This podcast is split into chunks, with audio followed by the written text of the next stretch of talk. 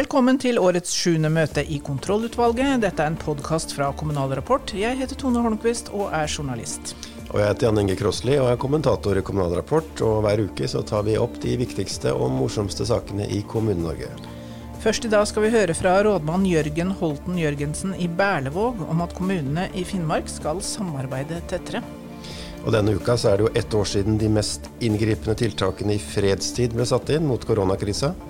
Vi har invitert KS-leder Bjørn Arild Gram til å oppsummere og se litt framover. Kontrollutvalgets faste ungdomsgjest, ungdomsrådsleder Daniel Aluku i Viken, vil snakke litt om damer i dag. 8. mars, altså. Mm. Og under eventuelt skal vi snakke om kommunal kunst som provoserer. Er Dagsorden godkjent? Den er godkjent, og møtet er satt.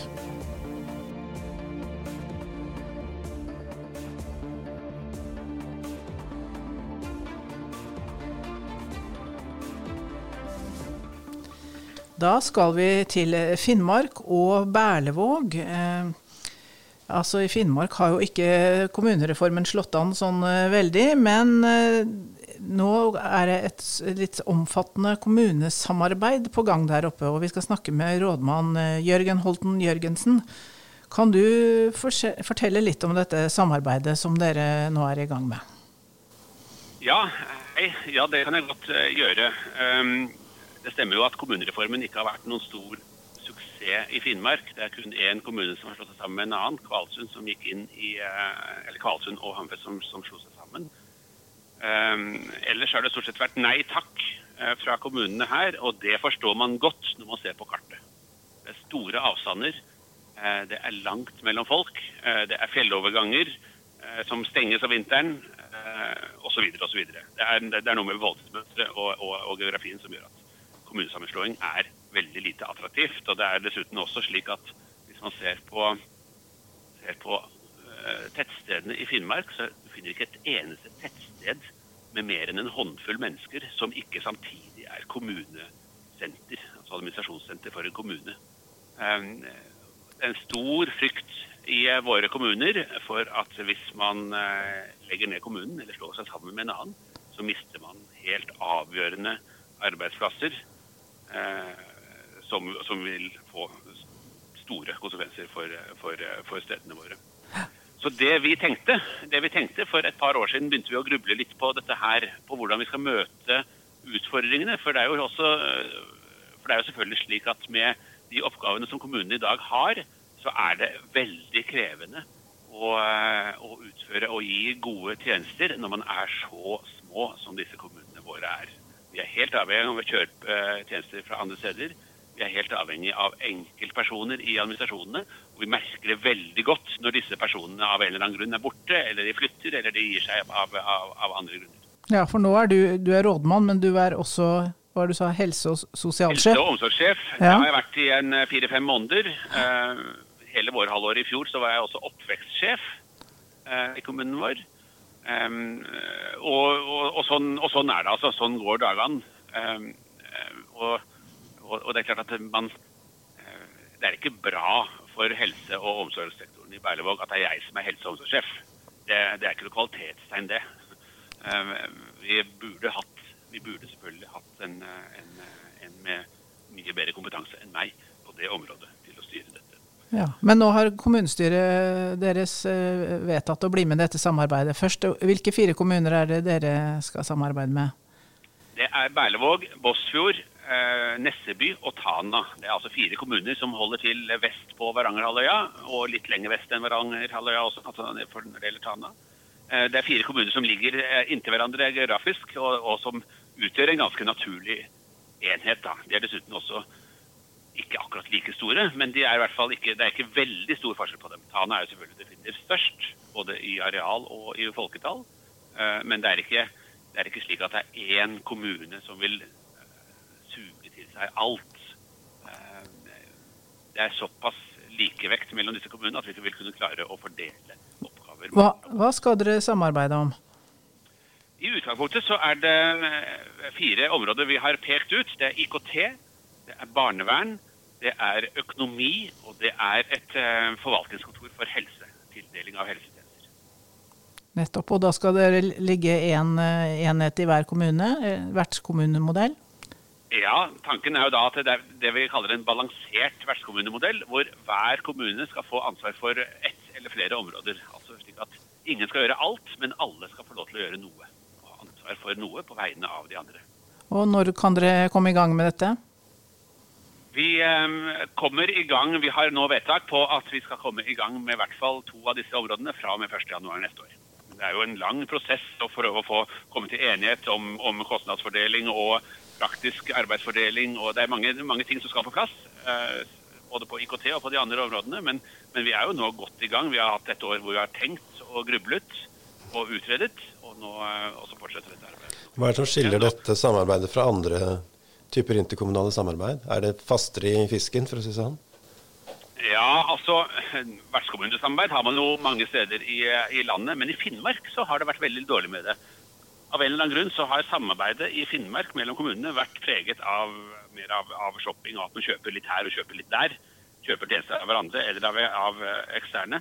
Men, eh, men så, så, så det, som er, det, som er, nytt med dette her, for vår del, er jo at det er fast form. Det er fire kommuner Eh, som har en grunnavtale seg imellom, og som da er enige om at på alle eh, områder vi søker samarbeid, så skal vi først høre med hverandre, altså med, de, eh, med disse fire, før vi eventuelt går, går, går, går videre. Men det er, det, er med, det, er med, det er, noe med, formaliteten i dette her, ja, at det er, at det, at er da ikke vi kjøper på årsbasis en eller annen tjeneste, men at vi forplikter oss til, til et langsiktig, langsiktig gjensidig samarbeid. Så da blir det bedre kvalitet på tjenestene. Det er det dere håper å oppnå. Og kan dere også spare ja. noe penger?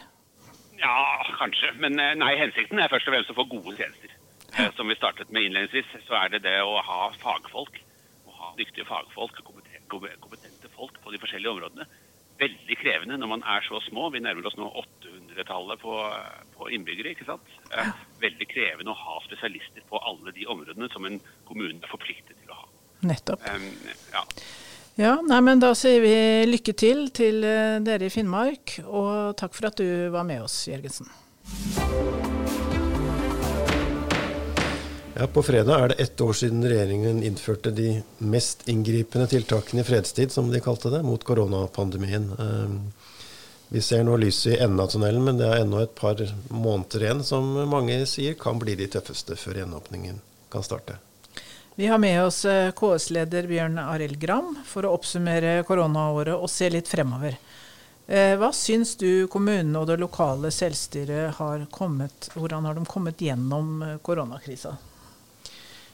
Jeg må jo si det at I det store bildet her så har Kommune-Norge gjort sin del av jobben. Altså, det er jo verken bare kommune eller bare stat eller bare bedrifter eller bare innbyggere. Det er jo det er jo et helt samfunn som har løfta i, i, flokk her, men kommunene har jo hatt en viktig rolle som lokal smittevernmyndighet. og Jeg syns at kommunene har, virkelig har gjort sin del av jobben.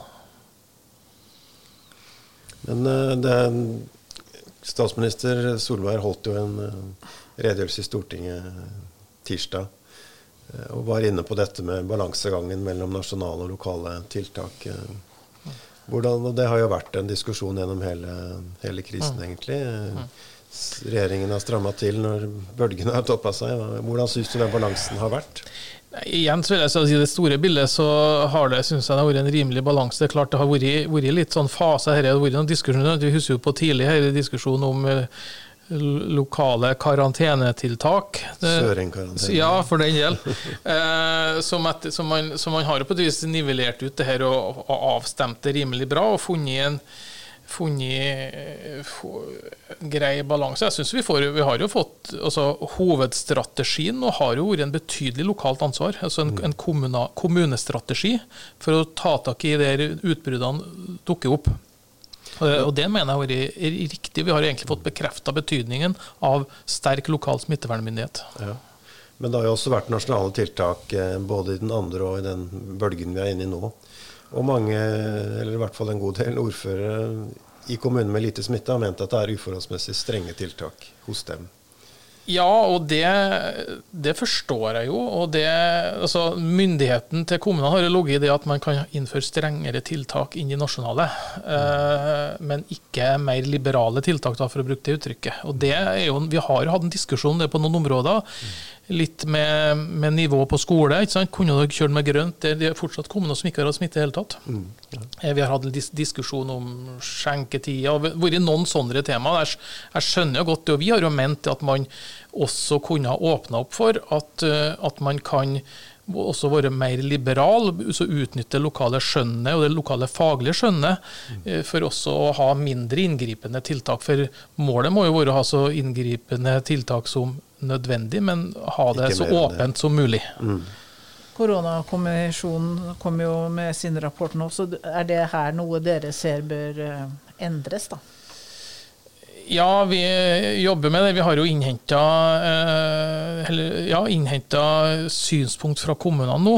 Eh, en stor undersøkelse i Kommune-Norge for å få inn hvordan kommunene sjøl har vurdert situasjonen.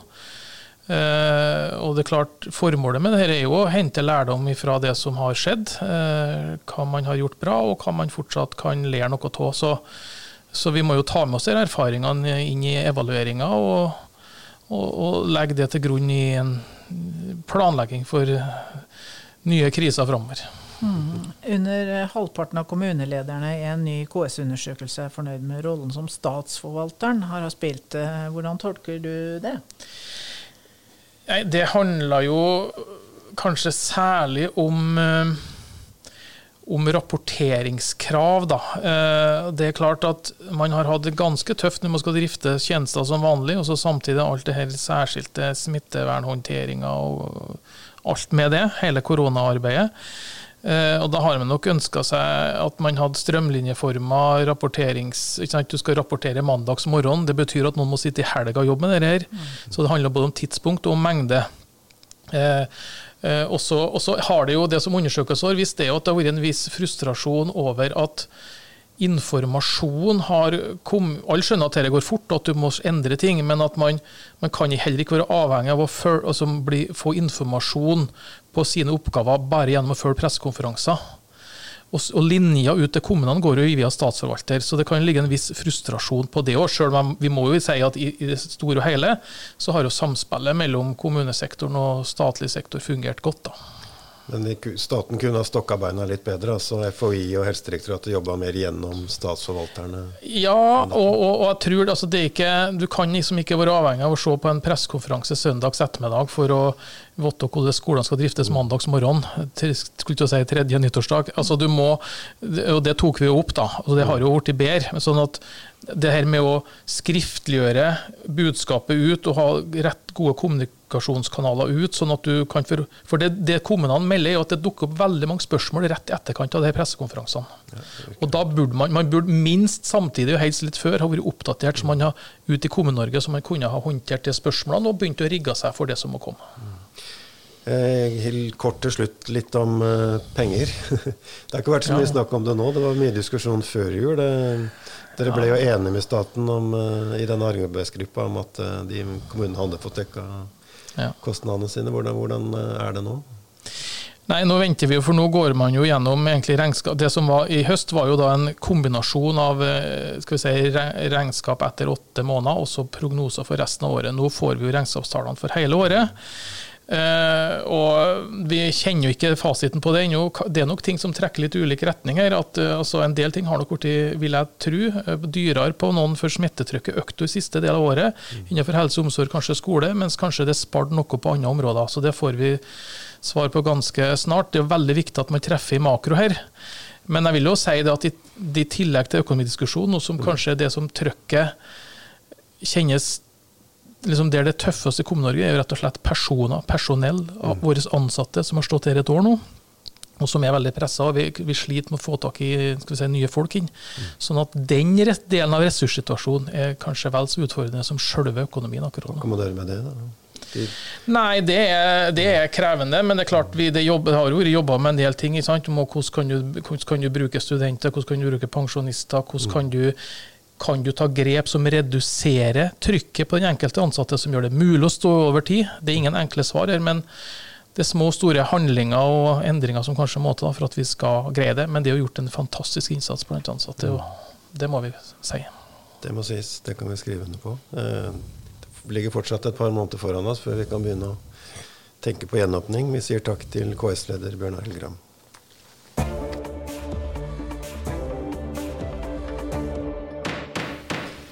Daniel Aluku er leder i Ungdommens fylkesråd i Viken og kontrollutvalgets faste unge stemme. Og så var det jo 8. mars på mandag, og eh, Daniel, er du feminist, eller? Jeg sier som alltid eh, jeg er for likestilling, men jeg er ikke feminist. Det er kanskje ikke så veldig godt kjent, men eh, jeg var med i en tidlig utvikling av NRK-serien F-ordet, hvor en kjent feminist kommer til eh, en distriktsskole og prøver å få elevene til å bli feminister. En av de store konfliktlinjene i serien hvor, uh, for feminister generelt er lønnsulikheter. Og da til særs ulikheter mellom kjønnene. Og Da ble jeg alltid stilt det spørsmålet. Daniel, er du feminist? Da ble jeg alltid nødt til å bekjenne det. Nei, jeg er ikke feminist, men jeg er for likestilling. Ok, ja, Du får si videre det du hadde tenkt å snakke om i dag.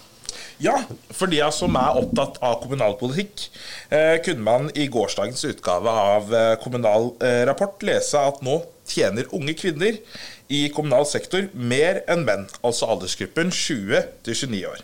Det får en til å tenke. Tidligere kom det også flere rapporter ut som konkluderte med at guttene jevnt over presterer dårligere enn jentene i skolen og topper spesialvisningen og dropout-statistikkene. Men jentene gjør det veldig bra eh, når det kommer til helsesektoren. Her dominerer de, eh, og i offentlig sektor generelt. Og topper altså deltidsstatistikkene. Der presterer de enormt bra. De mm. presterer også det når det kommer til statistikkene for de som er minstepensjonister, ja. hvor hele 85 er kvinner. Ja. Men det er ikke noe bra statistikk å toppe, eller? Nei, det her er dårlige statistikker jevnt over, som eh, vi helst vil eh, at ingen topper. Ja. Men f.eks. så er da 8% av landets sykepleiere eh, menn. Og det forklarer en god del. Jeg har aldri sett en mannlig sykepleier. Og det forklares jo at det er bare faktisk 8% av dem på landsbasis eh, som er menn. Og det tror jeg man må ta tak i. Kjenner du noen uh, som vil bli sykepleiere, du? Jeg gjør det. Jeg hadde faktisk en som hadde lyst til å bli sykepleier, men han fikk ikke lærlingplass. Nei. Så uh, her igjen er det noe kommunene kan ta tak i, og fylkeskommunene. Og selvsagt staten som driver store sykehusene. Så etterspillet av 8. mars-ånden så har jeg kommet med beskjed og en budskap eh, til landets kommuner. Dere er vitale for kvinnekampen og likestillingen. For det er én ting alle eksemplene i statistikkene som jeg nevnte tidligere, og som han kompisen eh, min også, som prøvde å bli helsesykepleier, nei, som prøvde å bli sykepleier, eh, så er det jo nettopp det de har til felles. Så er det at det er lokale og kommunale beslutninger, ansettelsene og arbeidskulturen som ligger til grunn. Det er kommunene og fylkene som driver skolene hvor gutta henger etter. Det er kommunene og fylkene som ansetter helsesykepleiere, sykepleiere, helsearbeidere, lærere, oppfølgere, saksbehandlere, lærlinger, og listen går og går og går og går. Så kommunene er veld, veldig viktig i likestillingsarbeidet, rett og slett? Ja. Poenget er at det er hos kommunene det skjer. Når en avdelingsleder ansetter tre folk i 30% stilling Jeg har flere som jeg kjenner som er lærlinger, eh, eller som har begynt i lærlingsfaget og gått over til å komme seg ut i arbeidslivet, som får mindre stillingsprosenter. Eh, hvor man tenker hvorfor ansetter du tre i 30% stilling istedenfor én i 100 når, kutter, når, kommunestyret kutter budsjetter, og elevene får dårlig oppfølging, og når ukultur, også en gammel moroklump på kontoret, ikke tas tak i. Det er hjemme i vår egen bygd det hele starter. Nettopp. Ja. Der eh, hadde du klar beskjed igjen, eh, Daniel. Da sier vi takk til deg denne gangen. Har du noe til eventuelt i dag, Tone? Ja, i dag skal vi snakke om kunst i det offentlige rom. Det kan jo være veldig fint, og litt rart. Og kan skape mye debatt. Det kan det. Og det jeg skal snakke om nå, har jo absolutt debattpotensial. Vi skal til Eidfjord og prosjektet Fjordpianorama. Det er da ordføreren der, Anders Vatle. Han skal få æren av å plassere ut et fullt brukbart piano ved fjorden. Som er da det, det er finansiert av det offentlige, dette her selvfølgelig. Og der skal pianoet stå for vær og vind og forbi passerende folk, og forfallsprosessen skal dokumenteres gjennom foto, lyd og film, leser jeg da i Hardanger Gleder meg til å se den dokumentarfilmen. Ja, det blir spennende. Og Det er da en kunstnerorganisasjon som heter Harding Puls, som har funnet på det, da, ikke ordføreren, selvfølgelig. Så jeg tipper at det, det kan bli debatt av det her. Sindige fjordinger eh, føler seg kanskje ikke helt hjemme i et sånt kunstprosjekt. Er det bruk- og kastsamfunnet som skal kommenteres på denne måten? Ja, det er det. Eh, leder for eh, kunstnerorganisasjonen Inger Lise Riiber sier til avisa at det er flere hundre pianoer ute på finn.nos Isvekk-seksjon. Og hva sier det om vårt samfunn i dag, at fullt spillbare praktinstrumenter blir kasta? De gis jo bort, da. De skal ødelegge et. Det er jo kanskje verre. Ja, de skal også ødelegge et, så da blir det ett til, da. Nei, altså motstanden mot sånne prosjekter kan jo bli så sterke at, at hele kunstprosjektet må fjernes. Vi husker jo den saken i, i Kvam i Nordfjorden. Der uh, måtte vi fjerne kunstverket av sikkerhetsmessige årsaker fordi folk ødela det. De var så provosert og forbanna det. kunstverk var det? Nei, det var en stokk, en møkkaspreder og en stein som var montert sammen og kalt veiskille. Så var det offentlig finansiert, da, selvfølgelig, og det gjorde jo ikke bygdefolket noe særlig blidere. Og så er det den sædcellestatuen i Stange, da. Det var det mye diskusjon om hvor den skulle stå. Ja, verdens største sædcelle. Den er jo da laget av samme kunstner, kunstner som står bak den store sølvelgen i Østerdalen, men den elgen er jo populær, da. Ja, Den ser man jo hva er. Den står der i skogen og er blank og, og fin.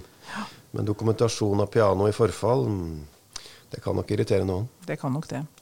Men sånn er det med kunsten, vet du. Den skal jo provosere. Den skal det. Det er ytringsfrihet. Det er det. Da kan vi vel heve møtet? Det kan vi. Møtet er hevet. Tone Holmquist og Jan Inge Krosli var som vanlig møteledere i kontrollutvalget, og nå gjør vi det tekniske selv også. Mest Tone, da.